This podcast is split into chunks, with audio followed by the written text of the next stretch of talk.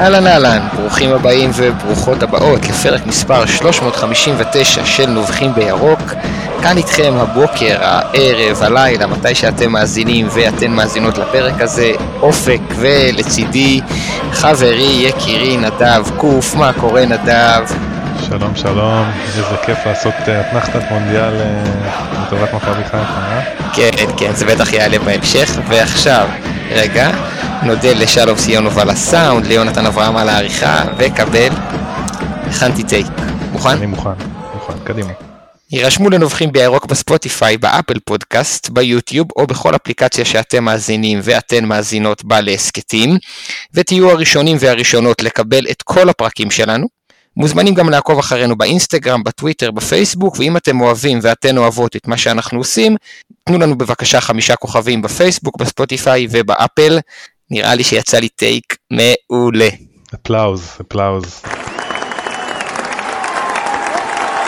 מתן ועמית יהיו גאים בי, תודה, תודה. תודה היה לך. באמת תרגיל יפה, הרבה מחיאות כפיים.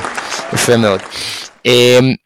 אז בואו בוא נסביר למאזינים ולמאזינות מה אנחנו הולכים לעשות פה. נגיד שזה לא, לא עד הסוף אה, מהוקצע, מתוכנן, מתוקתק ונכתב מילה במילה, ובכל זאת, אה, אחרי שנחליף כמה מילים על המונדיאל, אז אה, נחזור לפרק 318, פרק שבו אתה ואני עשינו one on one על הזרים החדשים של מכבי.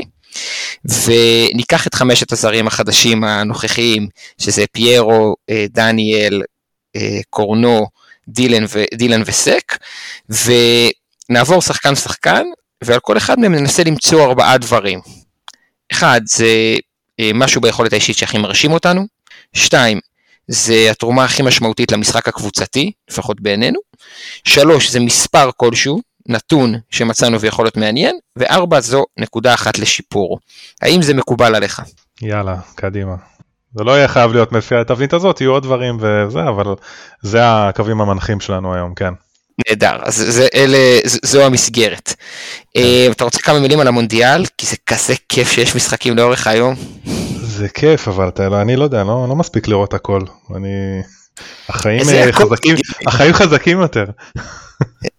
תשמע, אני, אמ, אני מתגעגע ל-2018, כשהייתי, זה היה בקיץ, היה לי מחנה כדורסל משלי, מסיים אותו בשתיים בצהריים, הולך הביתה. יושב, רואה משחקים. ככה, אתה יודע, ככה הגעתי בפנטזי למצב שהטלוויזיה שפה לידי היא הטלוויזיה שזכיתי בה, בפנטזי מונדיאל. וואלה, מרחק פנדל לך זה יום אחד זה יהיה, אתה יודע, שרשור. ציוצים. מרחק פנדל של רונלדו מכרטיסים לחצי גמר. טוב, אני ואח שלי בינתיים מקום ראשון, אז אני מקווה שנזכה באיזה ארוחת בוקר או משהו. באיזו ליגה? אה, של החבר'ה? פנימית שלו בעבודה, כן. יפה, יפה. לא, לא, לא נכנסתי לזה, הוא פשוט רצה שאני אעשה לו את ההימורים, אז אה, אמרנו כבר, נכנסנו לזה ממש חזק. אה, והצלחת, והצלחת לפגוע, אני לדעתי כל קוף שני כן. בעולם וכל, רובוט שלישי לפניי. אז לא, יש לנו איזה שלושה בולים, כאילו, דווקא בדברים הזויים. אני אומר לך, יש, יש קבוצות, יש קבוצות שהקוף מקום שלישי מתוך עשר. וואלה. לא, זה אצלנו לא הוא היה... אצלנו הוא, הוא כל הזמן מתחלף איתנו במקום הראשון. אנחנו מקום שני וראשון כל פעם. אשכרה. כן. אה, אני אני אמ, רוצה להגיד עוד משהו על המונדיאל. איזה משוגע זה, אני יודע שבטח רוב המאזינים והמאזינות שלנו לא מרגישים כמוני או מרגישות כמוני. איזה משוגע זה לראות כדורגל בלי רגשות, בלי רגשות עזים.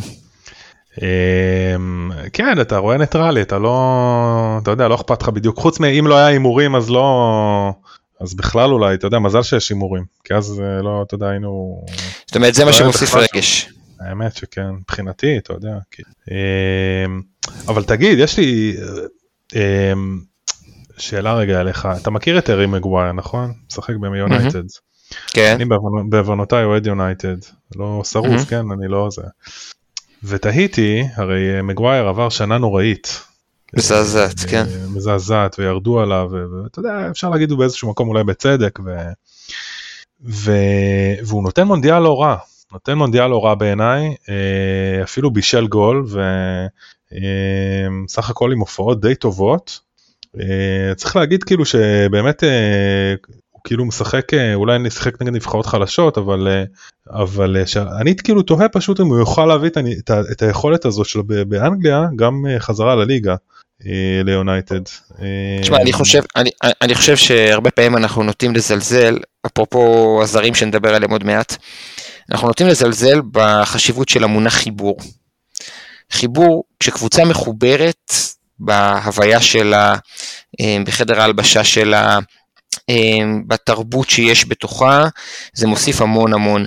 וכשקבוצה מחוברת מקצועית על הדשא, בלם אחד נוח לו ליד בלם שני, מגן נוח לו אה, קרוב לשש, שחקן כנף נוח לו עם החלוץ, אז אה, זה יכול להתפוצץ מקצועית ולהיות טוב יותר ממה שנקרא סך החלקים. יכול להיות שבסיפור של מגווייר, ואני לא מבין גדול בזה, מה שעובד טוב בנבחרת בזכות חיבור, מאמן מסוים, שיטה מסוימת, שחקנים מסביב, שפה שבה מדברים, כבר לא יוכל יותר לעבוד ביונייטד, אתה מבין אותי? כן כן יש מצב יש מצב טוב אפילו אני פשוט טועה אם באמת יש אפשרות פה שהוא יחזיר תשמע הוא בלם טוב הביא אותו כי הוא נתן יורו טוב הוא נתן שנתיים טובות ראשונות ביונייטד ממש מרשימות וזה.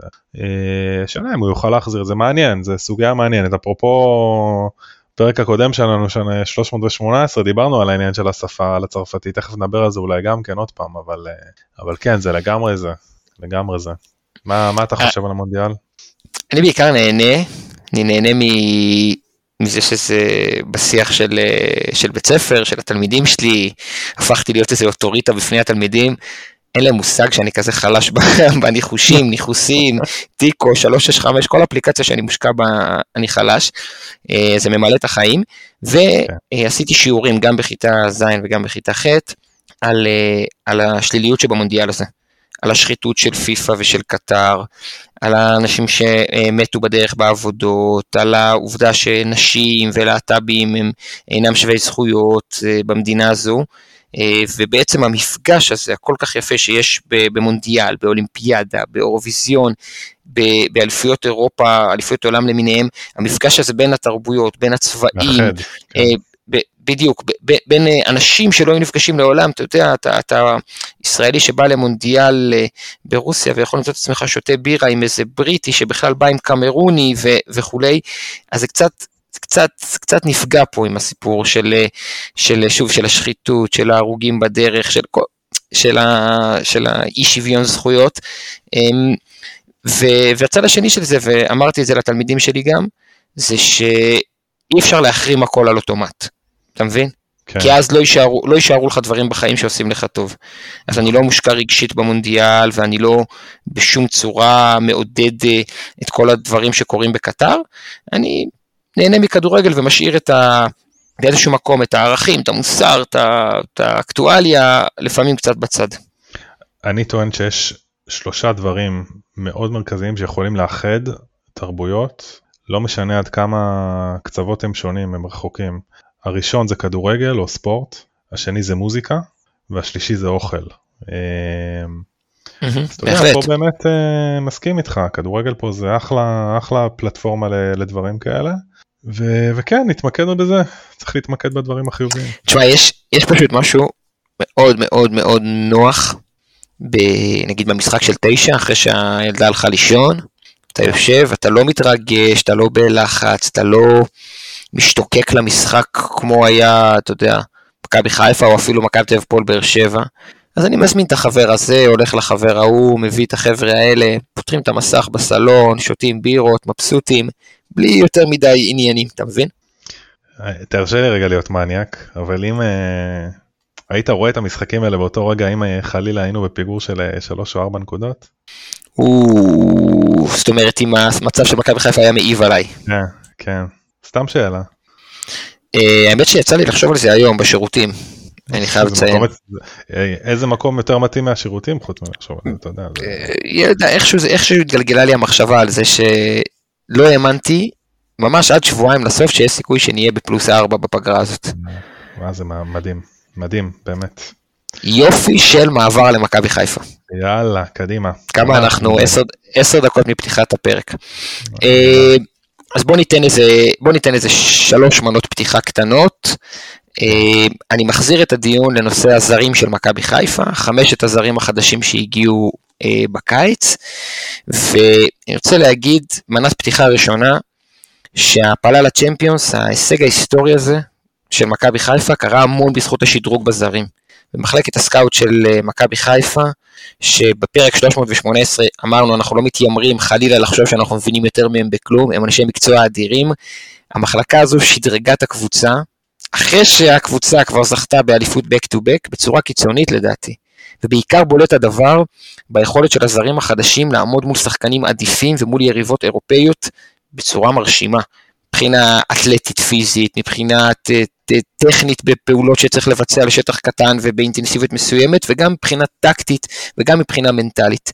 הזרים של מכבי חיפה, קורנו, סונדגרן, דילן, פיירו ולקראת הסוף גם סק, הם חלק עצום בהפלה הזאת לצ'מפיונס. נכון, מסכים עם כל מילה. אני חושב ש... אמ, דיברתי על זה אני חושב בפרק הקודם שהתארחתי בו. אה, אתם שומעים אותי אופק אתה שומע אותי? כן כן בוודאי. אה. אמ, אמרתי את זה בפרק הקודם גם שהיה לנו איזה ויכוח קטן עם אה, מתי פעם אחרונה למכבי חיפה הייתה כזאת סוללה של זרים. אמ, ו... ואני חושב שבקלות אפשר להשוות את זה לזרים שהיו בקמפיין הראשון שלנו. אמ, אתה יודע, לא נעשה פה השוואות ממש אחד לאחד, אבל אני חושב שבעיניי מרשים יותר העובדה שהזר... בוא נגיד שניים מתוך הזרים שהבאנו, אה, שהמחלקת scouting הנהדרת הביאה, זה בעמדות המגנים, בעמדות המגנים ש... אה, שזה שתי עמדות שבשנים האחרונות היינו, זה היה עקב אכילס שלנו, ו... ובעיניי זה מאוד מאוד יפה ו... וזה נקודה ראויה מאוד ו- וגם החיבור בין כולם mm-hmm. אנחנו תכף נדבר על זה אבל mm-hmm. אבל אני חושב שבאמת כאילו אם אתה מסתכל שנייה אחורה 20 שנה אחורה אני לא חושב שהיה פה כזה אה, כמות כזאת כמות וכזאת איכות כאילו גם כמות וגם mm-hmm. איכות של זרים. כן. אה, זה, זה פרק זה, זה שיחה ל, להמשך בעיניי זאת אומרת אני חושב שאנחנו. אוקיי. בתקרת, בתקרת הזכוכית שלנו בזרים עוד רגע. כן. זה יהיה קשה להביא שוב זרים כאלה. אה, טוב אתה רוצה לתת מנה שנייה? אתה, אתה רוצה רגע כבר לצלול אה, לחבר'ה או שאנחנו... לא, אני רוצה לתת עוד איזה מנה, מנה טעימה כללית. אמ, אוקיי? אז רגע, אז אה, בואו בוא תמשיך שנייה. אז אני, אז, אני אעשה, אז אני אעשה כך. המבחן של הזרים שלנו היה כמובן בהתמודדות באירופה כמו שאמרנו, ובזה הם עמדו בצורה יוצאת מן הכלל, יוצא מן הכלל טוב. המבחן השני, והלא פחות חשוב, בעיניי לפחות, אה, יהיה בהמשכיות. בליגת העל. השחקנים הישראלים עלולים לסבול מנפילת מתח, ולא לא מן הנמנע שאולי אפילו אה, אחד מהם יימכר או יעזוב, אה, ובמכבי חיפה, כידוע לך וכידוע למאזינים שלנו, אה, כל איבוד נקודות הוא קטסטרופה, חוסר פרופורציה מוחלט בתקשורת, מסביב לקבוצה, באוהדים וכולי, אז בעיניי המבחן הבא הרציני מאוד של, של השחקנים הזרים שלנו, זה היכולת להרים את הקבוצה ברגעים קשים בליגה. אמ, ונקודה מעניינת, אף אחד מהחמישה האלה לא זכה בתואר, זאת אומרת לא זכה באליפות אף פעם. האם זה אומר שהם יהיו סופר רעבים וסופר אה, מקצוענים וירימו, או האם זה אומר שהם חס וחלילה עלולים להיות קצת בלחץ, אתה מבין? אה, אני מבין, אני, אני, לא, אני חושב שאני אופטימי בסוגיה הזאת, אני חושב שהרעב שלהם לזכות בתואר, תחשוב, תחשוב אתה שחקן, אוקיי אתה משחק כבר אה, אתה בן 25 26 סונגרן בן 31 אתה לא זכית באליפות תחשוב איזה הזדמנות זה בשבילך אתה רוצה להוסיף את זה למה שנקרא נכון, בעצם על אחת כמה אה, וכמה כשכבר, כשכבר על כולם שם על כולם שם יש מעקב כי הם שיחקו בצ'מפיונס אז הם יהיו חייבים לתת עד הסוף אתה מבין? בדיוק עכשיו אני חושב רגע שפה... רגע אני רק רוצה להגיד שהצד השני של זה הוא שהרבה פעמים שחקנים שעוד לא לקחו תואר ופתאום נדרש מהם להוביל קצת עושים במכנסיים. או זה, אה, עושים במכנסיים זה ביטוי אה, מוגזם, אה, קצת מתקשים להתעלות. אמ, תראה, אתה, אתה חושב שיש מבין הזרים יש כאלה ש, שאתה חושש מהסוגיה הזאת שכאילו זאת אומרת שהם יחוו את זה? לא בוודאי, לא אני חושב שזה חלק, אני חושב ש... קודם כל אני חושב שזה חלק ממה שקרה לאלי מוחמד שנה שעברה, בסוף העונה. אני לא חלילה כועס, לא מבקר, אני חושב שהירידה של אלי הייתה אה, מאינטנסיביות אה, יתר ומ... אה, חוסר ניסיון במעמדים האלה של קבוצה שצריכה להיאבק ראש בראש על תואר, זו דעתי, אני חושב שזה גם קרה נגיד לדין דוד, שזה מאוד מאוד מובן, אה, שאר השחקנים היו כבר שחקנים של שנה שנייה, אני חושש שזה עלול לקרות לפר קורנו, אני לא יודע, אני לא יודע אה, איך פיירו, שאף פעם לא היה שחקן בקבוצת צמרת, אה, התמודד עם הלחץ כש, כשניגע בזה עוד לא, מעט. די, די, די, די, די. אני מתפלא עליך שאתה אומר את זה. ויש לנו אי הסכמה ראשון להיום, איזה די, כיף. נו, אתה מבלבל את המוח, נו. לא, תראה, בוא נעבור ככה אחד אחד. קודם כל, אה, סונגרן זה שחקן, אנחנו תכף נדבר על זה, אבל זה שחקן שהוא מנהיג בסוף. האחרון נכון. שאני הייתי מצפה ממנו ש- שעכשיו יעשה במכנסיים זה הוא. זה שמנו בצד. אחלה אה, ומנוסה ושיחק בנבחרת כן, שלו ושיחק כן. בקבוצת צמרת ביוון שהיא ליגה שבה יש ועכשיו גם הרבה... מוסיף צ'מפיונס כן. ליג לרזומה, מבחינתי כן. זה וי. אה, פייר קורנו, נכון, הוא קצת, אה, הוא, מה זה צעיר, הוא בן 25 או 26, סבבה, אני שם רגע בצד, תכף נדבר עליו. יש לנו שני בלמים שסק ו- ודילן, של אם אני לא טועה הם זכו בתואר, נכון? הם, הם שיחקו ביחד באטוורפן. הם לא זכו באליפות. הם לא זכו באליפות? לא? אוקיי. אמ, יש לנו את, ואני, אני, בוא נחלק את, כאילו נפר- נעשה הפרד ומשול. דילן, שחקן עם המון המון ביטחון, המון ביטחון, אני ממנו לא חושש. סק, סבבה, אני שם אותו יחד עם רגע עם קורנו בצד, ויש לנו את פיירו. שפיירו זה שחקן בעיניי קר רוח, הוא לא מתרגש, אתה, אתה גם רואה במאבקים שלו שנכנסים בו ומתגרים בו שהוא לא, הוא לא כאילו אה, נגרר לפרובוקציות מה שנקרא. אתה עושה יותר מדי ספוילרים לדברים שהכנתי. רק. רק אומר. מצוין. ואז אז נשאר לנו בעצם נשאר לנו בצד עם קורנו וקורנו ו, אה, וסק. עכשיו אני חושב שהשלושה ישפיעו על השניים יש לנו גם פה עוד שחקנים צריך לזכור שזה קבוצה הם מדברים את אותה שפה. אני באמת חושב שאתה יודע לא נביא כן? אבל אני חושב שזה זה, זה, זה, לא, לא חושש מהמצב הזה. אני גם לא ראיתי מקורנו אה, להבדיל אולי מסק איזה שהם אקטים או, או משחקים שוטפים או רצופים של חוסר ביטחון כאילו. אתה מבין? סק אני קצת קצת לקח לו זמן להיכנס לעניינים וזה ואתה יודע ואנחנו נדבר על זה אולי אחר כך אבל אבל קורנו הטיקט שלו תמיד היה שם הוא תמיד במה שהוא ידע לעשות טוב הוא תמיד עשה אותו טוב כאילו. אז אה, זה השנקל שלי. אוקיי, אתה רוצה לתת. אה, כן אתה רוצה לתת מנה- מנה יאללה. משלך? יאללה איך נעשה הפלת איזה- אותי לתת שתי מנות רצוף, כן? יאללה, מנה אוקיי. שלישית. קדימה. אז תראה, אמ, צריך לדבר גם על השיטות משחק, אז אה, אמ, אנחנו דיברנו בפרק הקודם על, ה, על הזרים החדשים שברמה של, אה, בהיבטים של גיוון בשיטות משחק, אה, ולשחק בעצם. מה שמתאפשר זה לשחק בשלוש שיטות שונות, שיחקנו אה, ברוב הזמן ב, בשתי שיטות אה, ועוד קצת ב, בשיטה נוספת, זאת אומרת אה, אה, 352 עם, אה, עם 42, אה, עם 4231, תקן אותי אם אני טועה, וגם שיחקנו 442. אמ, שפ- שפירו היה פה, ש- שפירו היה פה אה, דמות מאוד בולטת ב- אה, במעברים, ו... שיחקנו, אה, שיח- שיחקנו באירופה או 4-3-3, או זה 5, קונסטלציה של 4-2-3-1. כן, אנחנו תמיד לא מסכימים על זה, זה בסדר. כן, בסדר. אבל אני חושב שבאמת, ה... בוא נגיד, ה... לא יודע, אני מנסה לחשוב על אה, מנה פתיחה טובה שאני אוהב, אני יודע, אה, יש, אתה מכיר את המסה? מסעדת אני? חלש, אני חלש במסעדות, אתה יודע את זה. קיצור, יש שם, מנה פתיחה של מרק אפונה כזה בשוט. זה המרק אפונה שלי. אני רגע אמרת שוט. אז בוא אני אעשה- לחיים, קח את השטוק. מהבירה, בירת הזהב שלי. קדימה. אה, זה יישמע כמו פרסומת אם אני אגיד שזה אחת הבירות שאני הכי אוהב בעולם, כן? תגיד, קדימה. נו, פרסומת. של- הדובים, יאללה. איזה בירה עם נגיעות קפה. לחיים. לחיים. אמ, אז זהו, אז זה זה המנה השלישית, שנעשה את המעבר למנה העיקרית. אה, כן, אה, למנה העיקרית. מנה עיקרית, מה? מנה עיקרית, כן, וואי, אני זה מקווה שלא יצא לנו ארוך מדי. עם הבשר, כן. אנחנו מתחילים עם ה- עם ה- עם המנה העיקרית שבתוך המנה העיקרית.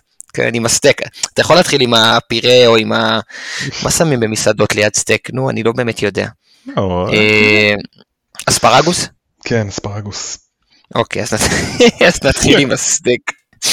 אה, פרנזי פיירו, כן. אתה רוצה, אתה רוצה לתת לי את הנקודה שלך על היכולת האישית, מה הכי מרשים אותך? כן, אני חושב ש... וגם דיברנו על זה. בפרק הקודם, אמ, כאילו אני, אני זוכר שראיתי ראיתי שניים וחצי משחקים שלו, והדבר הכי בולט שהיה לי זה המיקום, ואני חושב שגם עכשיו זה מאוד מאוד בולט לי. יש לו אמ, מיקום פשוט נהדר, זה בעיניי הטיקט המרכזי שלו, אפילו יותר מזה שהוא עצום בגודל שלו. הוא יודע איפה למקם את עצמו בהתקפות מעבר ובהתקפות פוזיישן. זאת אומרת התקפות מעבר הכוונה היא שהוא מקבל את הכדור בזמן, בזמן מתפרצת ויודע איפה, איפה לשים את עצמו.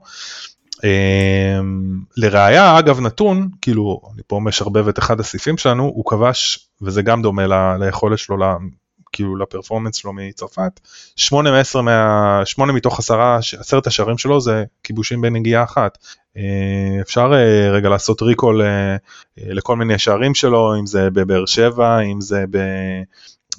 נגד חדרה אם אני לא טועה, גולים בנגיעה, הוא יודע איפה למקם את עצמו, לשים את הגוף, לשים את הרגל, במקרה שלו זה אפילו מספיק לשים את הגוף ולסובב אותו והכדור נכנס, בעיניי זה היכולת האישית המרשימה ביותר, שאתה יודע, תמיד מדברים על, כאילו גם מדברים על זה בכדורסל אני זוכר שאמרת וגם הרבה פעמים מדברים על הכדורגל על הדבר הבא בכדורגל אז כל הזמן מדברים על ה off the ball ובעיניי זה הדבר המרשים כן. המיקום זה off the ball בסוף כאילו זה, mm. זה זה אולי החוכמה הגדולה כאילו. אני מסכים ואני אני לוקח מיד לנקודה שאני חשבתי אתה יודע זה מצחיק אתה אומר יכולת אישית אז בוא נדבר על, על פס לעומק בוא נדבר על משחק ראש בוא נדבר על דריבל אני אה, חושב, אני חושב שהיכולת האישית הכי מרשימה של פיירו זה היכולת להוות כל הזמן איום על ההגנה של היריבה. בכל כדור גובה קופצים איתו שני בלמים. כל מתפרצת הוא מרכז תשומת הלב של ההגנה.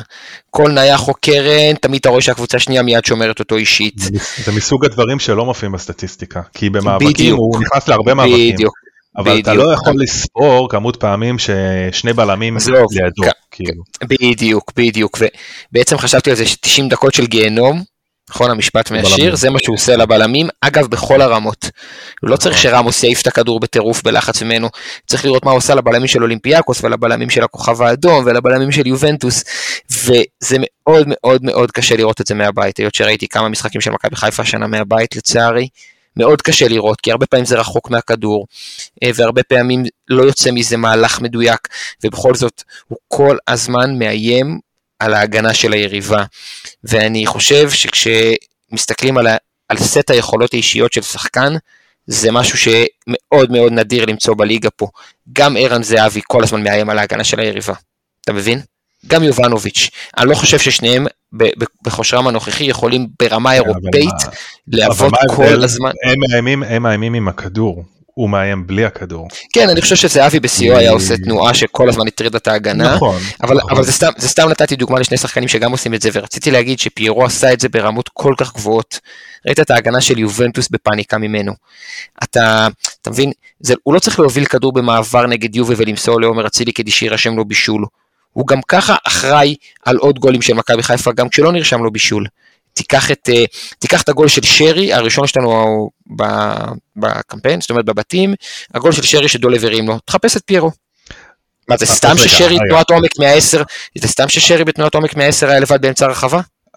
אז אז אני רגע רוצה להוסיף משהו על העניין של המיקום ואתה מגיע מהעולם של הכדורסל ואני עשיתי טיפונת שיעורי בית אמ, אז דיברנו על הגול נגד קריית שמונה למשל הגול נגד ביתר שפה גם היה פה מיקום אבל ברמה של אה, כאילו בהתקפות מתפרצות. אמ, ומה ששמתי לב זה שפירו תמיד על, על כל הגודל שלו, עזוב את זה שהוא מהיר יחסית לגודל, הוא גם זריז על הגודל, ביחס לגודל שלו. נכון. הוא, הוא תמיד מצ, מצליח לשים את עצמו לפני, בין השומר לבין הכדור, ו, וזה אולי היכולת או המיומנות. כן. זה בעצם, זה בעצם מתחבר למה מקודם. נכון, כן, תפיסת, עכשיו, תפיסת העמדה הנכונה ואז קשה להזיז אותו גם.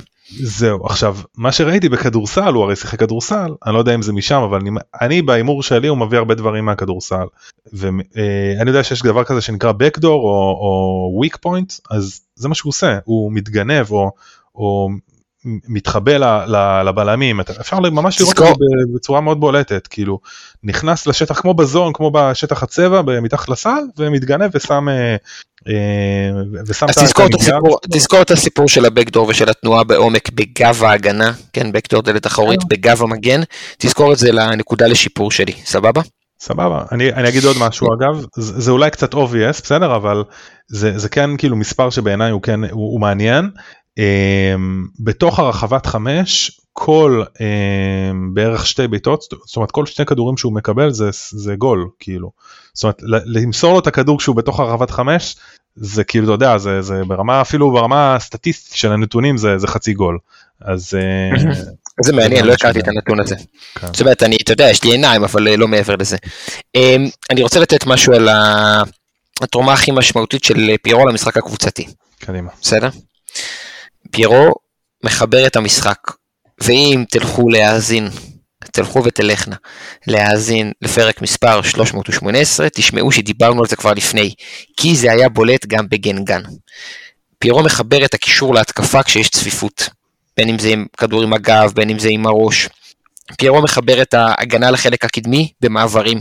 כמו שאמרת מקודם, פירו מחבר את צד ימין לצד שמאל כשצריך להעביר את הכדור מאגף לאגף, ושני שחקני הגנה נכנסים ביחד איתו, גם המגן מהצד השני, ופתאום אפשר להעביר את הכדור מהמגן הימני למגן השמאלי. מה שפיירו עושה, ושוב, אני ממליץ לראות את זה או מהדשא או בשידורים חוזרים, כשיש דופק אפס ולא צריך כל הזמן לראות איפה הכדור, זה מחבר את החלקים במשחק של מכבי חיפה. ולקבוצה כמו מכבי חיפה, שיש לה רב גוניות בשאר העמדות, מגן כזה ומגן כזה, שחקן כנף כזה ושחקן כנף כזה, שמונה כזה ועשר כזה, מישהו שיחבר את כל החלקים האלה, זה כל כך חשוב, וזה לא דברים שכתובים בסטטיסטיקה. במכבי חיפה, במשחקים שהיא תשחק בלי פיירו, זה יהיה מאוד מאוד מאוד בולט כמה הוא חסר בזה. אה, אני מסכים, אני רוצה אבל לתת משהו שכן מופיע בסטטיסטיקה, והוא גם, גם קבוצתי. מה אתה אומר, פיירו יש לו תרומה הגנתית? אה, בוודאות יש לו תרומה הגנתית מטורפת בקרנות ובנייחים. יפה. אז באמת בפרק הקודם דיברנו על אה, צפינו שיהיה לו יתרון משמעותי בנייחים לא רק התקפית אלא גם הגנתית וזה פשוט אתה, אפשר לראות את זה בצורה מאוד מאוד uh, כאילו בולטת בסטטיסטיקה. אגב, לו... אמרנו, את, אמרנו את זה גם בפרק הקודם, הכניסו אותו ללב כן. האזורית. מכבי חיפה שומרת. עם חמישה, אגב מכבי חיפה עברה באיזה שלב לפני איזה חודש לשמור עם שישה באזורית ולא חמישה. רגע, הוא תמיד השחקן באמצע האזורית, הוא הנוגח הכי טוב של מכבי חיפה. אז, אז יפה, אז 23 עירותי כדור יש לו העונה בכל המסגרות, 17 מתוכם זה ברחבה, זאת אומרת כמעט 74% מהעירותי כדור הם בתוך הרחבה שלנו. אוקיי עכשיו מעבר לזה שזה מעיד כאילו על מיקום בתוך הרחבה הוא יודע איפה לעמוד כדי אה, למנוע אה, הגעה של כדור ל, ל, לחלוץ או שחקן שרוצה לנגוח או לשים, לדחוק את הגול. ומעבר לזה אה, הנפח שהוא תופס כאילו זה גם משהו שאולי לא רואים כל כך בסטטיסטיקה אבל יש לו שתי חסימות של בעיטות בתוך הרחבה אבל זה מעבר לזה הוא פשוט הוא עומד וזה הוא ענק כאילו. עכשיו תוסיף לזה גם את שחקני ההגנה הגדולים שלנו יתרון משמעותי, תרומה הגנתית מאוד משמעותית. בהחלט. אגב, חלק מזה שלדעתי לא קיבלנו גולים משמעותיים ב... בנייחים ובקרנות במשחקים הראשונים של דילן אחרי שבוגדן עזב, כי גם בוגדן היה משמעותי.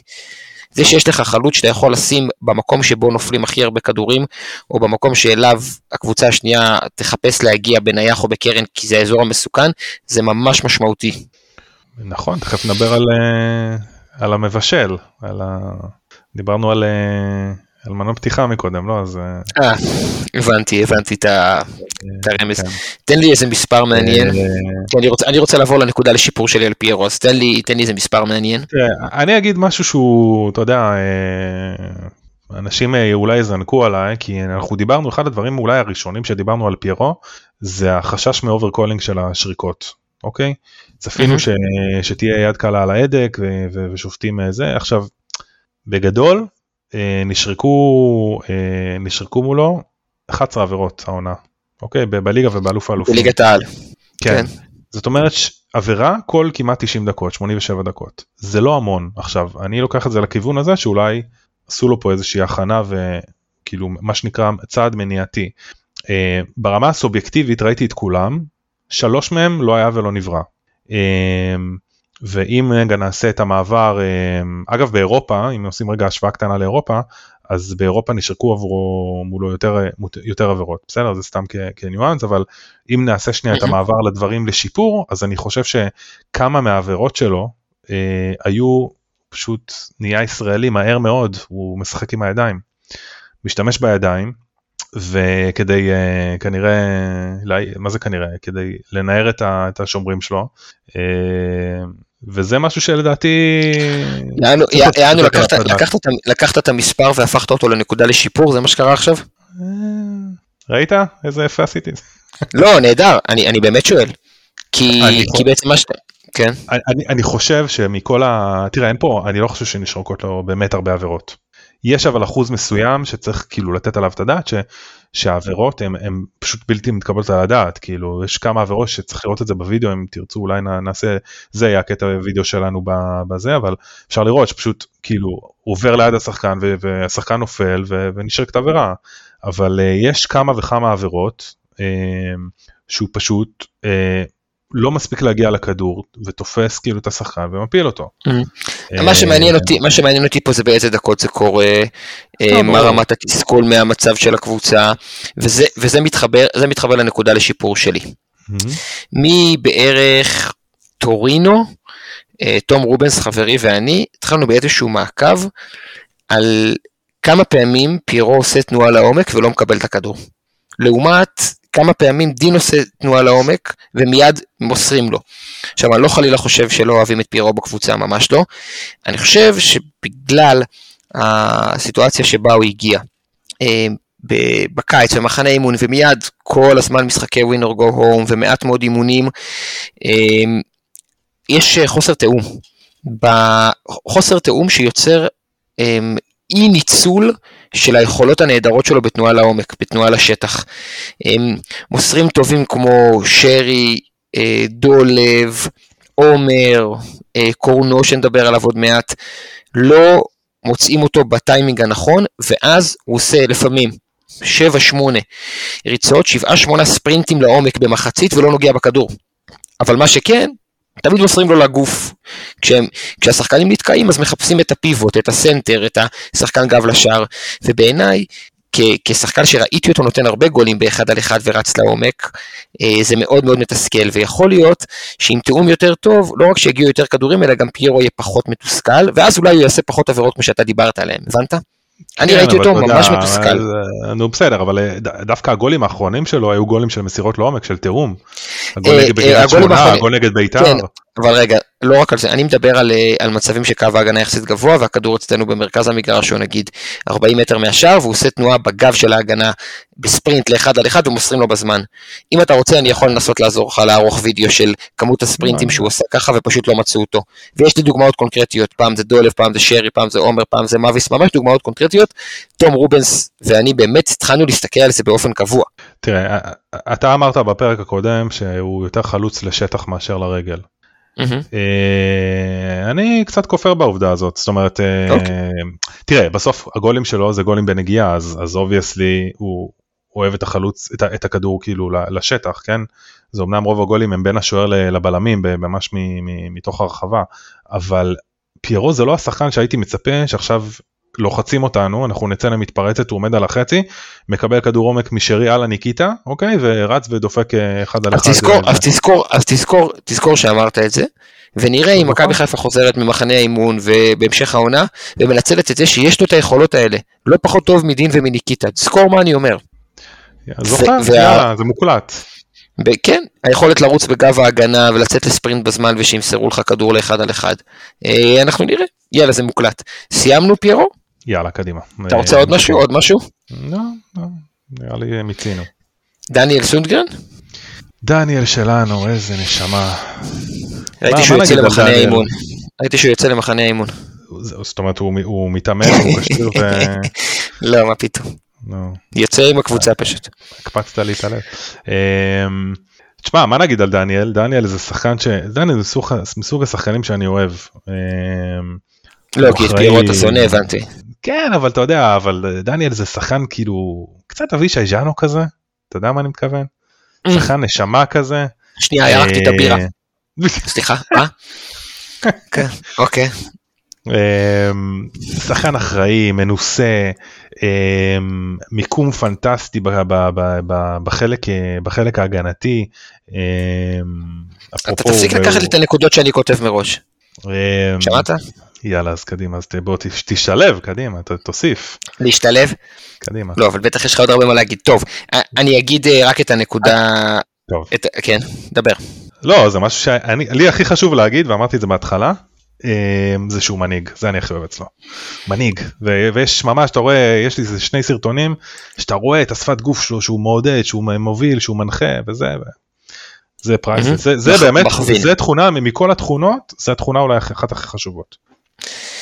אוקיי, אני, שלא שאני לא מסכים איתך חלילה, אני חושב שביכולת האישית מה שהכי מרשים אותי אצלו זה קריאת המשחק. אוקיי. שוב, רואים את זה במיוחד מהאצטדיון, כשכל המגרש פרוס לפניך. דניאל סונגרן יודע לזהות מוקדם את המהלך הבא, ולצאת בדיוק בזמן מהמקום, ולהגיע בטירוף לכדור שנראה אבוד, או להגיע בצ'יל לשחקן התקפה שכבר חשב שהוא עומד להיות לבד. ובעיניי, אחד הדברים הכי בולטים במכבי חיפה של החודש האחרון לפני הפגרה, זה שהוא לא שיחק בגלל פציעה, ואז ראיתם, ראינו את רז.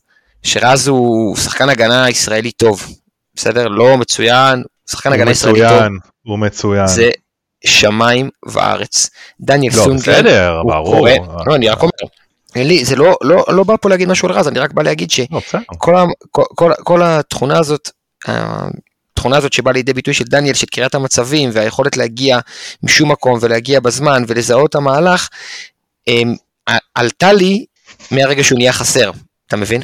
Mm-hmm. אז זהו, זו, זו, וואי, זו תכונה ממש ממש ממש ממש חשובה, ואצל דניאל היא ממש בולטת. אני רוצה להגיד עוד משהו שמאוד בולט אצלו, שזה קשור גם למה שאתה אמרת עכשיו, זה הקבלת החלטות. הדוגמה הכי טובה ש... שמייצגת את זה, זה הגול נגד, נגד הכוכב האדום, שהתחיל בכלל בסגירה מצוינת שלו לאמצע, אחרי, אחרי הפנדל, ואתה יודע, במהלך של שניות זה, זה באמת מוטיב חוזר אצלו, אתה רואה את זה כאילו כשהוא מגיע לשליש האחרון, והוא לא מגיע הרבה, גם אמרנו את זה בפרק הקודם, אבל כשהוא מגיע לשליש האחרון והוא צריך לקבל החלטה, הוא פשוט מפעיל שיקול דעת, ומהר, אוקיי? אז גם פה, בגול נגד הכוכב האדום, הוא, הוא חטף את הכדור, הוא הבין שיש לו עוד שנייה וחצי לשריקה, הוא פשוט שחרר בעיטה על הבא בעלה, מה הוא יכול להפסיד? והרוויח. וזה קפץ, כן. בסדר, אבל... אה, אבל לא, לא, אני מסכים, כן. דניאל יודע לנהל את הסיכונים האלה בצורה מצוינת, כאילו בחלק האחרון. ו, ועוד משהו בקטנה שאני חושב ש, שגם שמתי לב אליו, שוב, אין לי את הנתונים, אבל, אבל אני כן חושב שזה משהו שהוא מאוד בולט אצלו. זה נכון שהוא לא מופיע הרבה בשליש, בשליש הקדמי, אבל uh, הוא עושה הרבה פעולות התקפיות מהשליש האחורי. הוא מוסר הרבה מסירות מקדמות כן, לעומק. כן, כן, אה, שליש האחורי ושליש המרכזי. כן. כן. Uh, זה, זה דברים שאני מאוד, מאוד אוהב. מאוד אז אם דיברת על התרומה שלו להתקפה שלנו, אז אני רוצה להגיד שבהיבט הקבוצתי, אמ, בעיניי יש לו את היכולת לתרום למשחק ההגנה הקבוצתי שלנו בצורה שלא תמיד נראית לעין. בסגירה של מתפרצות, אמ, ביכולת אה, עמידה באחד על אחד מול שחקנים בכירים, ושהשחקנים האחרים ירגישו שיש על מי לסמוך. אה, במעבר מקו 4 לקו 5 תוך כדי משחק ובין משחק למשחק שהוא עושה בצורה מצוינת, פעם הוא מגן פה, פעם הוא בלם פה. השוודי הוא, הוא, הוא באמת שחקן שלידו שחקנים אחרים מרגישים בנוח, ושחקנים אחרים מצליחים להביא את היכולות שלהם לידי ביטוי. תשאלו את דילן, שהגיע לקבוצה חדשה וכל כך מהר הצליח אה, להשתלב ולהביא את אה, מירב היכולות שלו לידי ביטוי. יש משהו אה, בדניאל סונגרן, רק שיחזור, אני פותח פה סוגריים, כן, רק שיחזור אותו דניאל שהוא נפצע, אמן, יש משהו בו שמשרה ביטחון ומשפר את משחק ההגנה הקבוצתי של כל קו ההגנה. אני חושב, אני מסכים איתך, אני, אם רגע נדבר טיפה על איך זה גם מתבטא, אז הוא, הוא חמישי בליגה מבחינת המגנים הימנים בחילוצי כדור, לו 5.4 למשחק. אמ, שזה משהו שהוא די, אתה יודע, היית מצפה אולי שהוא יהיה יותר, אבל אין פה, אני באמת חושב שגם פה הסטטיסטיקה פה לא, לא, לא, רואים, את, לא רואים את הכל בסטטיסטיקה, אבל, אבל אני חושב שבאמת אה, נגעת בנקודות הנכונות, כאילו המיקום שלו בהגנה, בעיקר uh, ב, בהתקפה כשהוא, כשהוא בנסיגה, היא מצוינת, כאילו השיקול דעת שלו הוא לא טוב רק בהתקפה, הוא גם טוב בהגנה. נכון. אמ, עם זאת אני חושב ש... ואולי נעבור פה לנקודות אה, לשיפור. לשיפור, כן. אמ, אני חושב יש לי פה שתיים, אוקיי, אני חושב שהדבר הראשון זה, זה התרומה ההתקפית שלו, זאת אומרת, יש לו אה, העונה סך הכל שבע מסירות מפתח בשליש האחרון, אה, ארבע מדויקות בש, בשבעה משחקים שונים. אה, בעיניי זה לא מספיק, זה לא מספיק, אה, אבל זה, אתה יודע, בסוף... לקחת לי, המעצבן. נו, אז... קדימה, תמשיך, סליחה, סליחה, סליחה, שקטעתי לו, ואז נעבור הלאה, כי לקחת לי את מה שרציתי, כן? אבל אני חושב שבסוף זה, זה, זה גם מובן, כי דיברנו על העניין של החוסר, של האסימטריה, אתה יודע, אני, אני תמיד אומר שהמערך הוא אסימטר, זה כאילו אתה צריך לסובב אותו כדי להבין שהוא באמת, אה, הוא כן מאוזן.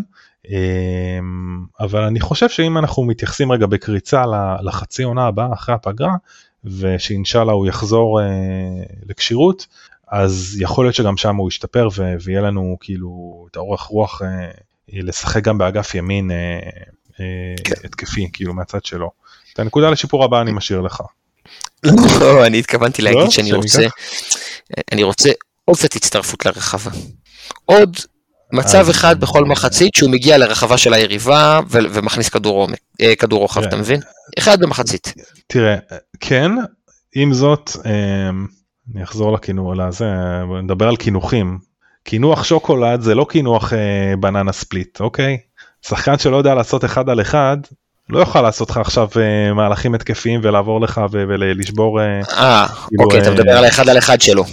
כן, אני חושב שהאחד אחד, אוקיי. שלו, אחד על אחד שלו עם הכדור לא יעזור כלום, הוא לא שחקן טכני ואין לו, אומנם האחוזים שלו בדריבל הם גבוהים, אבל אתה יודע בסוף כאילו הדריבלים פה, האחוזים פה הם משקרים, כי הדריבלים, רוב הדריבלים שנספרים זה, זה על, על, על, על ריק, כאילו על אוויר.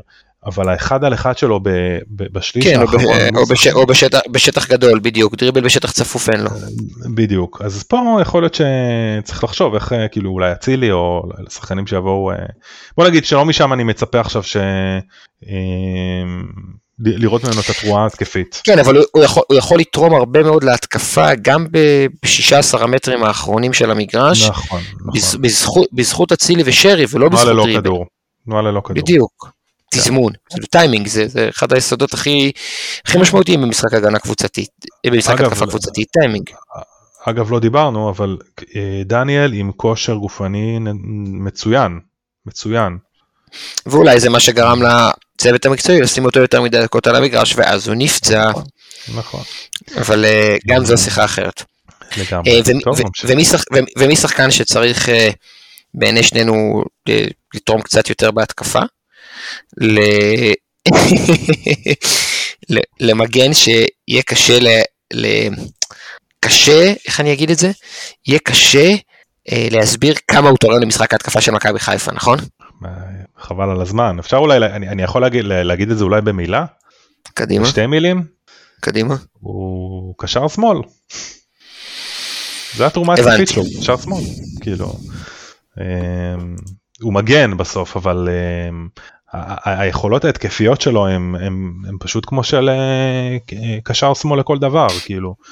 בהחלט. ועזוב את המספרים עזוב בסדר יש לו עונה ארבעה בישולים אבל זה לא הבישולים זה לא ה... לא זה לא זה, זה, זה עצם זה שהוא נמצא שם והוא יודע בוא לא תמשיך לא מה הוא יודע לעשות קדימה. אז היכולת האישית הכי מרשימה בעיניי של פייר קורנו זו יכולת המסירה. הוא המגן עם יכולת המסירה הכי טובה שאני ראיתי במכבי חיפה. מהדשא, מהטלוויזיה, בשידורים ישירים, בשידורים חוזרים, במשחקי בית, במשחקי חוץ, בישראל, באירופה, אה, בקמפיין אה, מוקדמות לקטע אלופות, בשלב הבתים, לא משנה מה, פשוט המגן עם יכולת המסירה הכי טובה שאני ראיתי, זה יכול להיות פס קרוב על הקו וזה יכול להיות כדור עומק אה, קשתי. זה יכול להיות דאבל פס לשחרור לחץ עם קשר האמצע וזה יכול להיות דילוג לבלם הימני כשהוא מגן שמאלי כדי אה, לשחרר את הלחץ.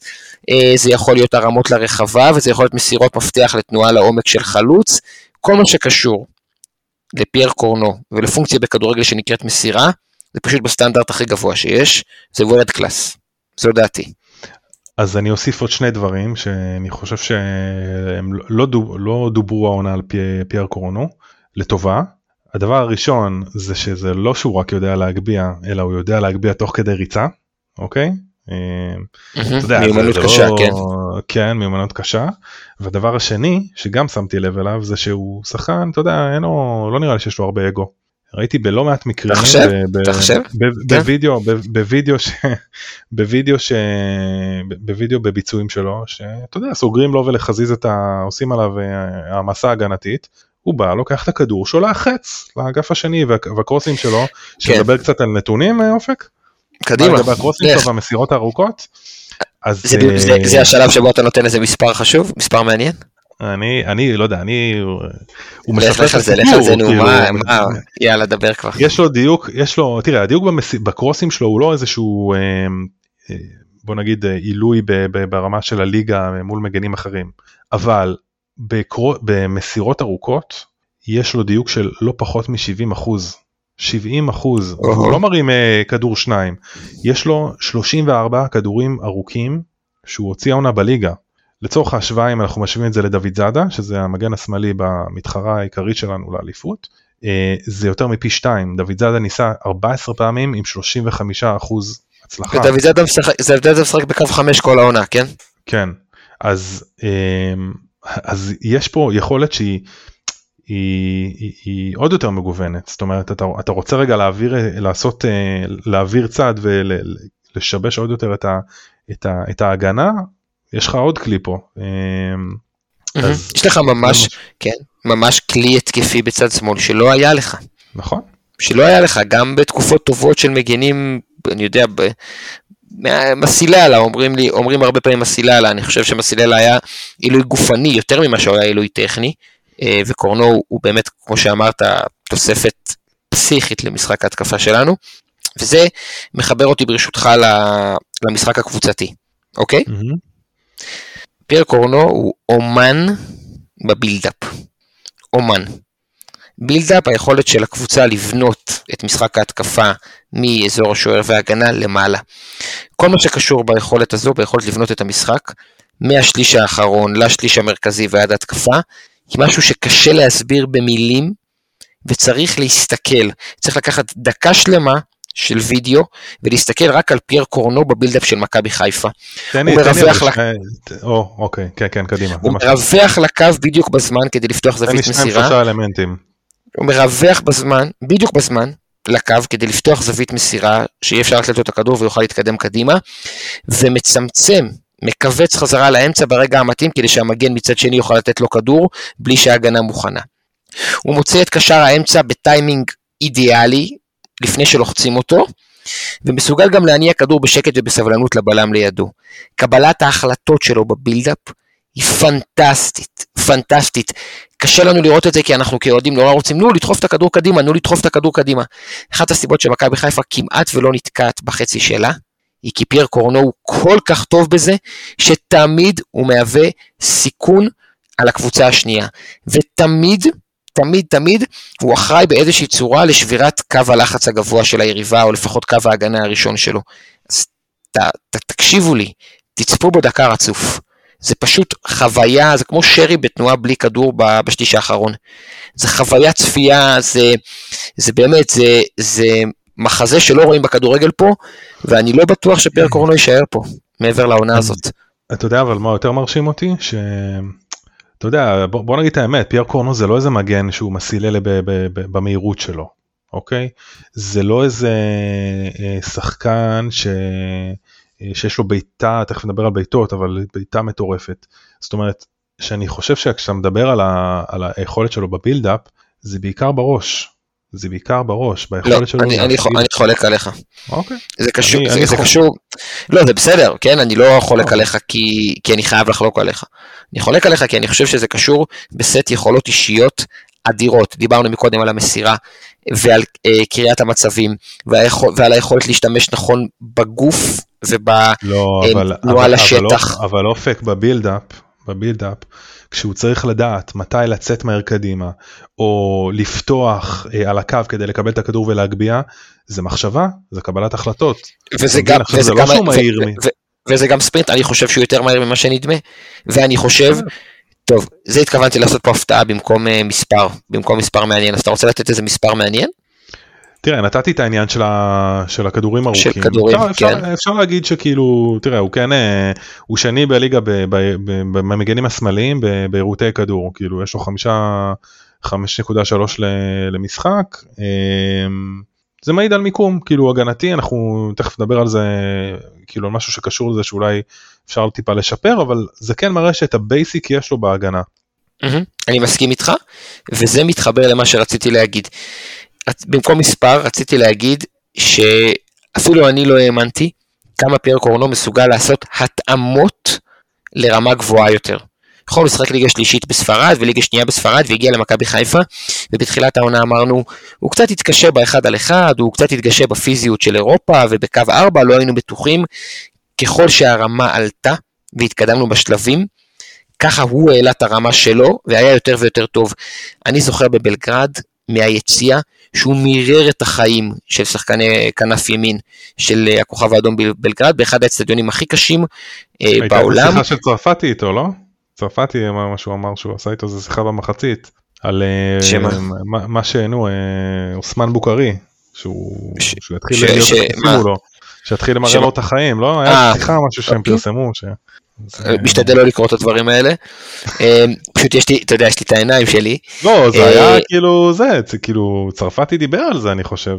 כאילו, תשמע, אני הייתי בבלגרד ואני אומר לך שפרק קורנו בחצי השני באצטדיון בבלגרד, כל שחקן שהגיע מולו הוא היה יותר טוב ממנו. כל שחקן שהגיע מולו יותר טוב ממנו. ואז כשאתה עולה לבתים, הוא עדיין מצליח לא להיות חור. ואתה עולה לשחק מול יובנטוס בקו 4 בארץ, והוא מעולה, ואתה, ואתה רואה אותו אה, לוקח באחד על אחד לשחקנים אתלטיים ממנו, ולוקח באחד על אחד לשחקנים חזקים ממנו, ולוקח באחד על אחד לשחקנים מוכשרים ממנו, ולוקח באחד על אחד לשחקנים מנוסים ממנו, והוא הוא, הוא פשוט הגיע לרמה אתה המשחקים האחרונים בליגה, אתה זוכר נגיד אה, טדי כזה, או סמי עופר, הוא משחק בלי אוויר, והוא עדיין הכי טוב. והוא כן. עדיין הכי טוב. זאת אומרת, הוא עדיין לא עושה טעויות, עדיין לא מצליחים לעבור אותו. אמ, אני זוכר את אספריה בטדי, הוא החליף שם את סאן, תשמע, הוא, הוא גיחך על אספריה, אחד השחקנים הכי אתלטיים בישראל, הוא גיחך עליו. זה מה שקרה שם. אז אה, זה, זה בעיניי נקודה ממש חשובה לגבי קורנו. אתה רוצה נקודה לשיפור? כן, אמ, תראה יש לי שתיים אבל אני חושב שהדבר שהכי בולט לי זה, תראה אני לא מצפה עכשיו ממגן שיבוא ויאיים על השער ויהיה שרי, כן, אבל יש לו העונה רק חמש, חמש בעיטות, חמש בעיטות לשער, זה ממש מעט, אז אני חושב שאם אתה רוצה יותר להפתיע את ההגנות או שאתה רוצה לגרום להם שלא יהיו לגמרי מוכנות, אה, לא, לא ידעו מה מחכה להם, כן הייתי רוצה לראות אותו יותר בועט לשער. אה, נכון שהטיקט שלו זה באמת הגבהות וקרוסים מאוד מאוד מסוכנים, אבל, אבל זה משהו שאתה יודע, זה, זה יכול להוסיף לו גם לגיוון. ו- וכן הייתי רוצה לראות יותר לא אומר עכשיו לבעוט בעיטה לכל משחק אבל זה, זה משהו שהוא זה נתון סטטיסטי שאני חושב שהוא כן אמיתי וכן צריך להשתפר. אוקיי okay. אני, אני אקח פה איזה נקודה לשיפור אולי בצד ההגנתי, אולי, אני לא מספיק מבין כדורגל בשביל זה. אם באחד על אחד ראיתי שהוא עשה את ההתאמות, ובאחד על אחד ראיתי שהוא כל הזמן עלה ברמה, ובאחד על אחד ראיתי שהוא מצוין בקנה מידה של כדורגל ישראלי, לגבי ה... הפוז... ה... זאת אומרת, הפוזיישן, העמידה ההגנתית, לפעמים אני מרגיש שהוא לא עד הסוף מעריך נכון את המהירות של השחקן היריב, או אולי זה נובע מעייפות, אבל הוא לא עד הסוף הם, הם, נותן אומדן מספיק טוב שזה שאפשר, יש סיכוי ששחקן ינגח מעליו. משהו בשונה מדניאל, שטוב, הוא באמת אה, טופ בדברים האלה, משהו לא עד הסוף יושב לי בהקשר של ההתמקמות ההגנתית שלו בהתקפות מסוימות. אתה מבין אותי? כן, אני מבין אותך. אמ, סתם אולי משהו ששווה לבדוק באיזה צוות הוא שיחק כשהיו לו טעויות כאלה. אה, אתה יודע עניין של שפה. זה תמיד נכון. אה, בסדר. כן, זה, תמיד נכון. וגם יהיה לנו עכשיו הרבה הרבה הזדמנויות לראות את זה כי אנחנו משחקים רק במסגרת אחת ובעצם יש איזושהי איזושהי ציפייה שהוא יהיה אה, אה, לא עייף כמו שהוא היה בחודש חודשיים האחרונים אתה מבין? נכון. נכון. טוב. תירוצים מה שנקרא. עוברים הלאה? קדימה. אה, דילן. דילן, אז קדימה, במה שלך. אתה רוצה את דילן במשפט אחד? כי הבנתי שגם אתה אמרת את זה. תראה, אמ, אני לא האמנתי שאני אגיע לרגע הזה שאני אגיד אה, מי זה בוגדן פלניץ'.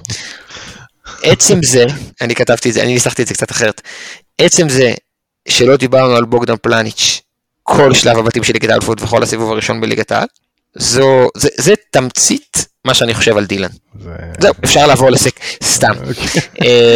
כן, כן, אני רוצה, לגמרי. אני, רוצה לתת, אני רוצה לתת משהו שמאוד מרשים אותי אצל, אה, אצל דילן מהמשחק הראשון בבאר שבע ועד המשחק האחרון שבו הוא נפצע, הוא הרי עלה מחליף פצוע ואז ניסה שוב, לא נכנס לזה שוב שיקולי סגל, אני יש לי את הביקורת שלי, זה לא לשיחה הזאת. אמ, אני ראיתי את אה, דילן עושה משחקים שלמים בלי אף טעות. זה מאוד מאוד נדיר.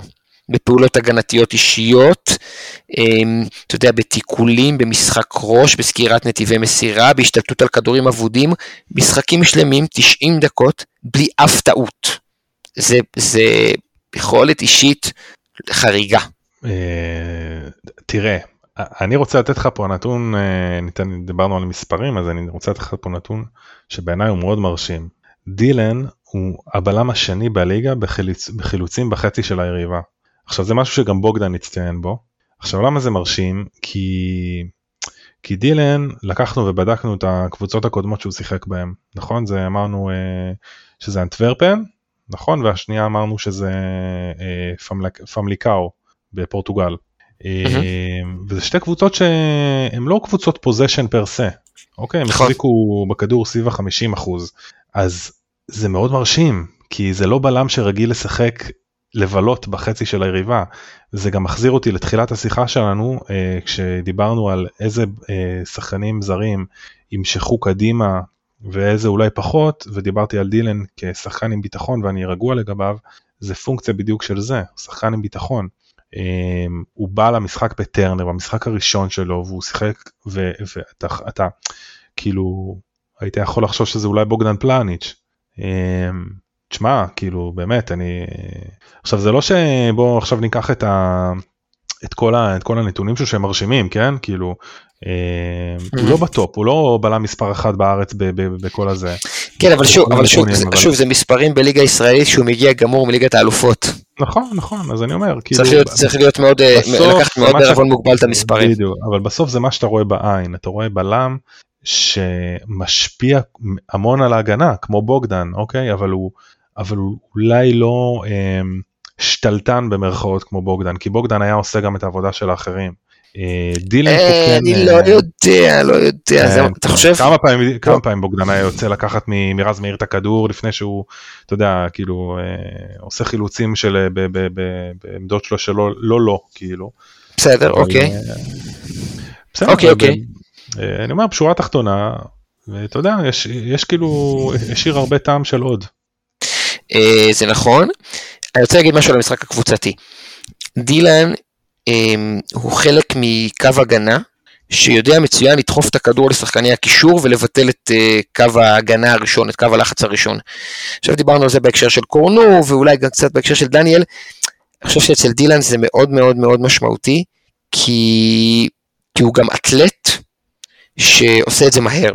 זאת אומרת, התרומה שלו למשחק הקבוצתי בהתקפה היא גדולה מאוד, כי הוא בלם שמשחרר את הקבוצה למעלה במהירות שיא, ושווה להסתכל גם על זה.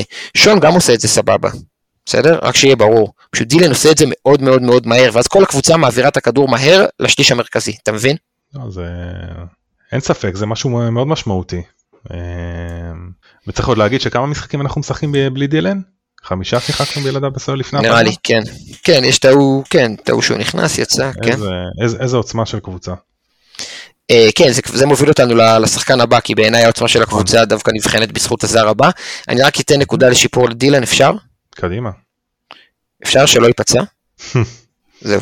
תודה. אפשר, אפשר, אה, אנחנו- אפשר, ש- אפשר, לשלב אותו בהדרגה, זה גם אופציה טובה.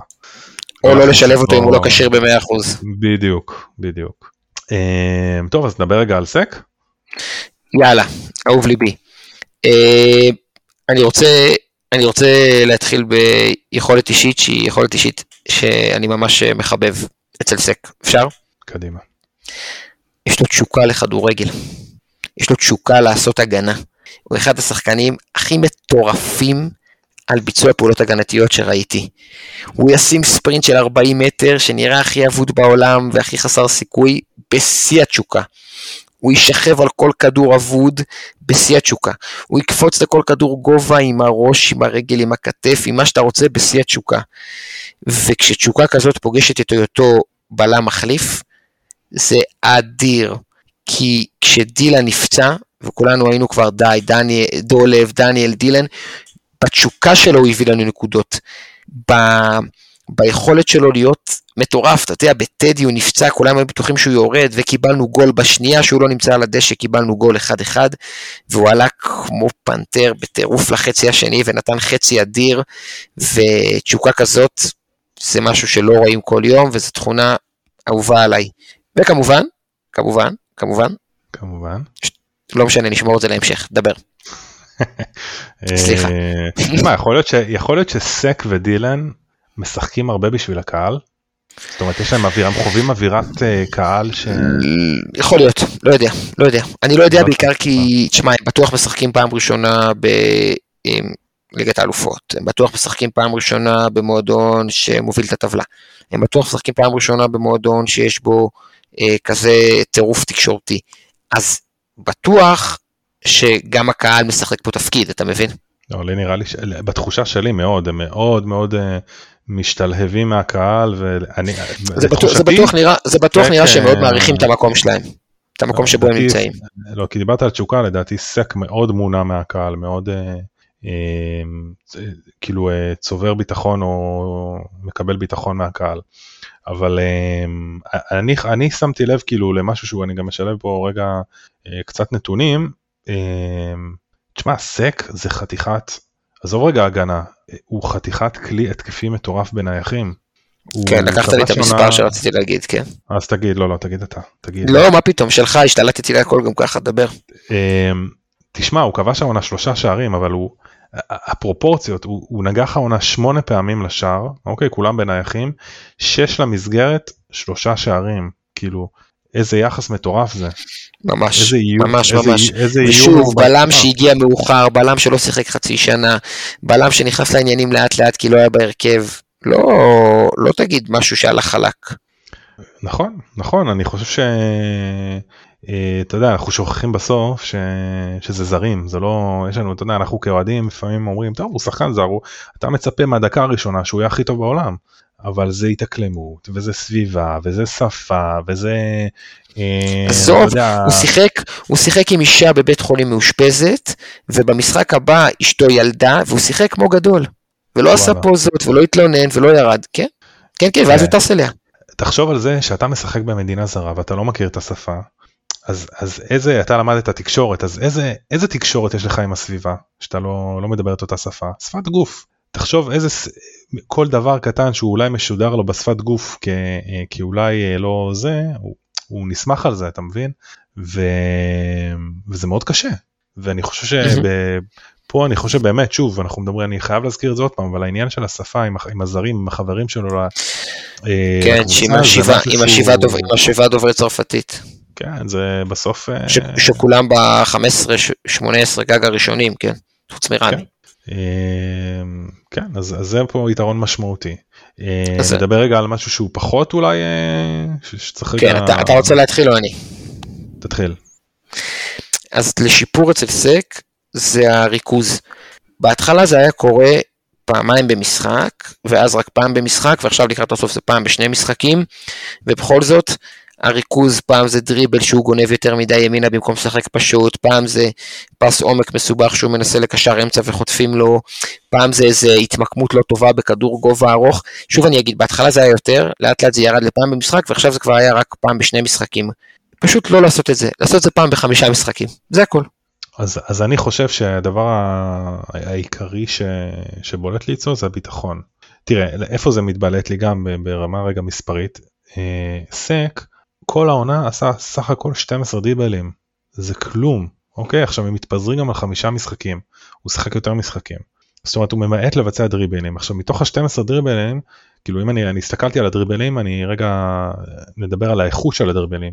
שישה, חצי מהם, שעברו קווי לחץ. מה שאני רוצה להגיד זה שיש לו את היכולת, כאילו הוא יודע אה, אה, לעשות דריבל ולשבור קו לחץ, זה עניין של ביטחון. ו, אה, ופה אני רוצה לקוות שזה יגיע עם הזמן, אבל, אבל אני כן מרגיש שלפעמים שכשהוא עם הכדור אני לא לגמרי רגוע, לא לגמרי רגוע. נכון, אה, אני מסכים איתך, אני מסכים איתך אובייקטיבית שזאת התחושה, וגם אני, אני חושב שזה בא כי הוא בא אחרי דילן ואחרי בוגדן, אתה מבין? תמיד אתה משווה למה שהיה קודם.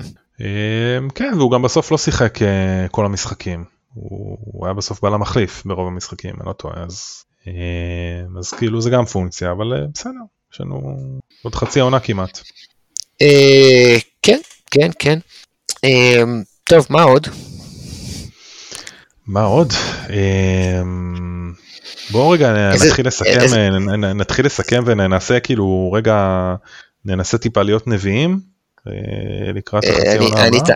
אני תמיד מפחד מזה, אבל בחייאת נדב, איזה זרים הנחיתו פה? תקשיב זה... מי היה מאמין? חבל על הזמן. אני חושב שאנחנו, טוב זה אני אגיד לסיכום, אני חושב שאנחנו מתקרבים לתקרת זכוכית שלנו בזרים. אמ, תראה בסוף זה הכל עניין של תקציב, זה הכל עניין של לא נכון, רגע לא נכון לא נכון רגע, רגע אני אגיד לך למה. כי גם אם אה, אנשים נגיד לא חושבים שסק הוא בלם מספיק טוב, אז כשאתה בונה קבוצה אתה צריך שיהיה לך זר שישי שבא מהספסל, ואז אתה אומר לעצמך, אוקיי, אין לי אף בלם ישראלי אחר שהוא לא שון שאני סומך עליו, אז אני מחליט ללכת על בלם זר מחליף, גם כדי לשחק קו חמש עם שלושה בלמים ואז הוא בהרכב, וגם כדי שהבלם המחליף שלי יהיה בעמדה שקשה להביא בישראלי. אז גם הבלם הזה, כמו שאמרתי מקודם, הוא כל כך טוב במה שהוא עושה, בתשוקה ובטירוף ובאהבה למשחק וברצון ובהשקעה ובמחויבות, שלך תחליף אותו עכשיו בבלם או בשחקן אחר, שגם אם הוא טיפה יותר מוכשר או טיפה יותר איכותי, לא יביא לך את זה. תחשוב על מכבי חיפה, בחמשת המשחקים האחרונים, אם אין לה את סק ויש לה קשר שמונה, מחליף זר, כנף זר, מה היא עושה? היא מקבלת פי, שלוש, פי שלושה גולים, אתה מבין? אה, זה משחק בנדמה לי אופק, עזוב, זה...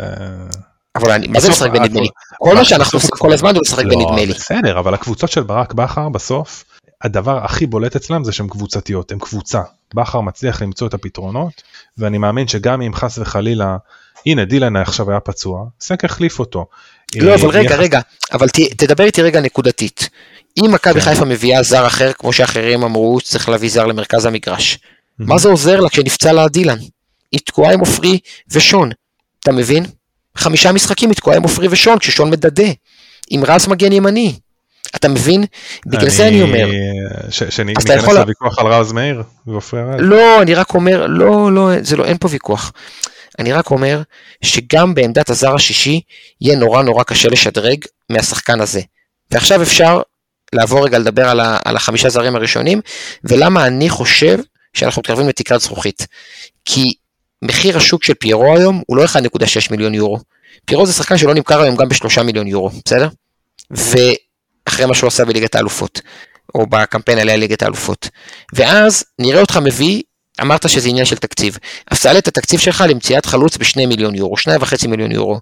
אתה יכול להביא שחקן יותר טוב מפיירו? אני לא בטוח.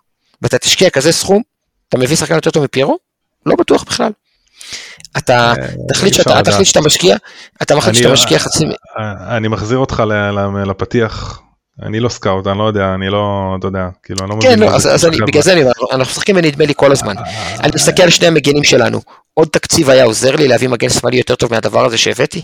אני שואל. אני, אני חושב שכן, אני חושב שכן, בסוף אתה יודע, כאילו, אני חושב שבזרים שהגיעו, הכסף זה לא היה העניין, העניין היה סקאוטינג, סקאוטינג טוב, אם הכסף, אבל... אם הכסף, אם הכסף לא היה העניין, איך תביא מגן יותר טוב, מגן שמאלי יותר טוב אחריו, אחרי קורנו? די נו אופק נו כמו שהביאו את קורנו יביאו גם אני חושב שהסקאוטים במכבי חיפה הוא, הוא נכנס הוא, הוא עלה על הגל ככה אני מקווה. תרתי משמע גל אלברמן זה בדיחה מאוד מצחיקה.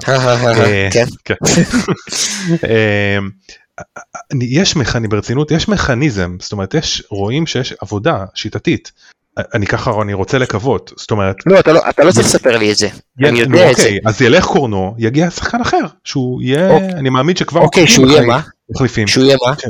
שהוא יהיה יותר טוב ואז מה הוא יעשה יהיה שחקן מוביל ומשמעותי בעלייה לליגת האלופות אה קורנו כבר עשה את זה. בסדר אבל בגלל זה אני חושב תגיד אנחנו יכולים לקחת כל שנה אליפות אופק נו באמת. אנחנו לא, יכולים להגיע כל שנה לצ'מפיונס לא בגלל זה אני חושב... אבל על כל הקבוצה.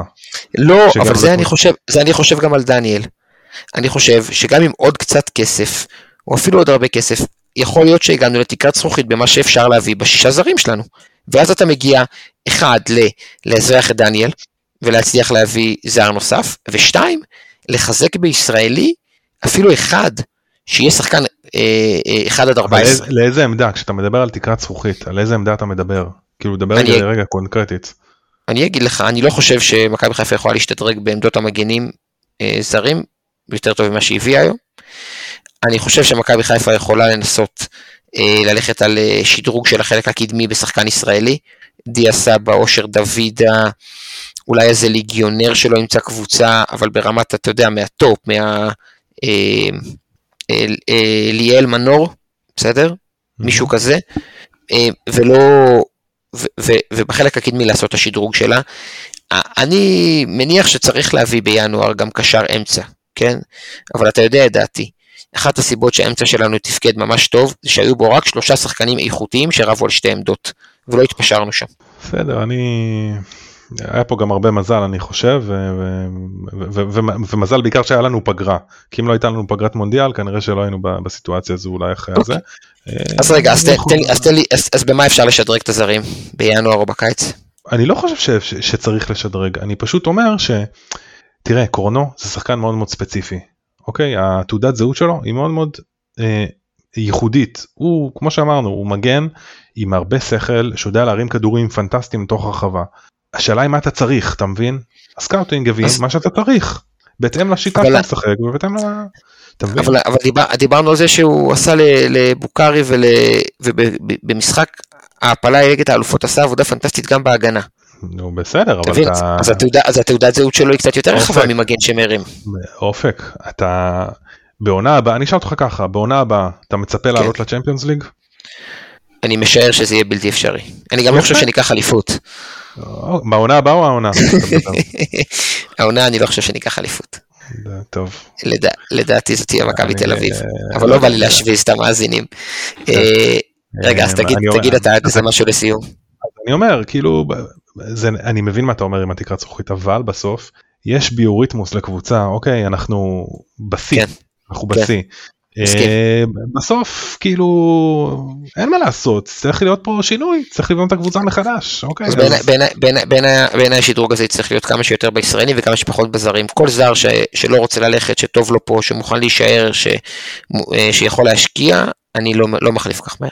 תראה, ברור, אה, עם זה אני מסכים, אני מסכים שאם יש לך זר שרוצה להישאר, שטוב לו, ש, ש, שהוא כבר יתאקלם והוא יכול להישאר, ברור, להשאיר, אוקיי? אין פה, אין פה ויכוח, אבל באותה נשימה אני אומר, אני חושב, ואני מרגיש מספיק בטוח בשביל להגיד את זה, אני חושב שגם אם ילך זר כזה או אחר, במיוחד ספציפי מתוך הזרים, יהיה אפשר למצוא לו מחליף, כי אני חושב שהמכניזם והשיטות עבודה במחלקת סקאוטינג, לפחות לפי תחושתי, עובדים בצורה מצוינת. אוקיי. אז אתה יותר אופטימי ממני, על אף שאתה יודע מה כן. דעתי על מחלקת הסקאוט במכבי חיפה ועל מה שהיא מצאה, slash הביאה, slash השיגה. אמ, אני אגיד, אה, אני אגיד לסיום, שגם אחרי שחוזרים מפגרת המונדיאל, דרושה סבלנות מאיתנו כאוהדים. לא כל השחקנים יחזרו פיקס ו fit, לא כל השחקנים יציגו שוב את היכולת שהם הציגו בליגת האלופות. סבלנות. מקובל עליך? מקובל עליי, אני... איך חזרנו מהפגרות עם אה, בכר בפעמים הקודמות? חזרנו בסדר. יש ילדים שמבינים את זה יותר טוב ממני. כן, אה, כן, צריך סבלנות וצריך, אה, אמרתי את זה גם בפרק הקודם, צריך לשמור על הרעב, לשמור על הרעב, העונה לא נגמרה, כן, כן. אמנם השיא שלה, היינו בפיק מאוד מטורף כאילו, אבל צריך פה, יש לנו עוד דברים על, המדף. אני כאילו מסכים איתך במאה אחוז וגם, וגם צריך שהקהל, שוב, הקהל יהיה בטירוף על זה גם. סיימנו? עם מונדיאל? תגיד לי רק מי הזוכה שלך? יואו. איזה קשה זה. אה, מי הזוכה שלי? די נו זה לא מכבי חיפה אליפות וזה יאללה אז תגיד מי אתה... אה, מי הזוכה שלי? אה, צרפת. וואו צרפת. צרפת אחרי שהפסידה לטוניסיה כן? טוב אני אני הולך על ברזיל. כן ברזיל ופורטוגל זה אובייסט בעיניי אז לא אז רציתי להפתיע. הבנתי. טוב, יש לנו פה הערת עורך בינתיים שמסי החטיא פנדל, אוקיי. אה, יפה, ככה אתה אומר מתי אנחנו מקליטים את זה. אה, נדב, נדב קוף, נדב חברי, נדב יקירי, תודה רבה. אה, תודה לשלום סיונוב על הסאונד, תודה ליונתן אברהם על העריכה.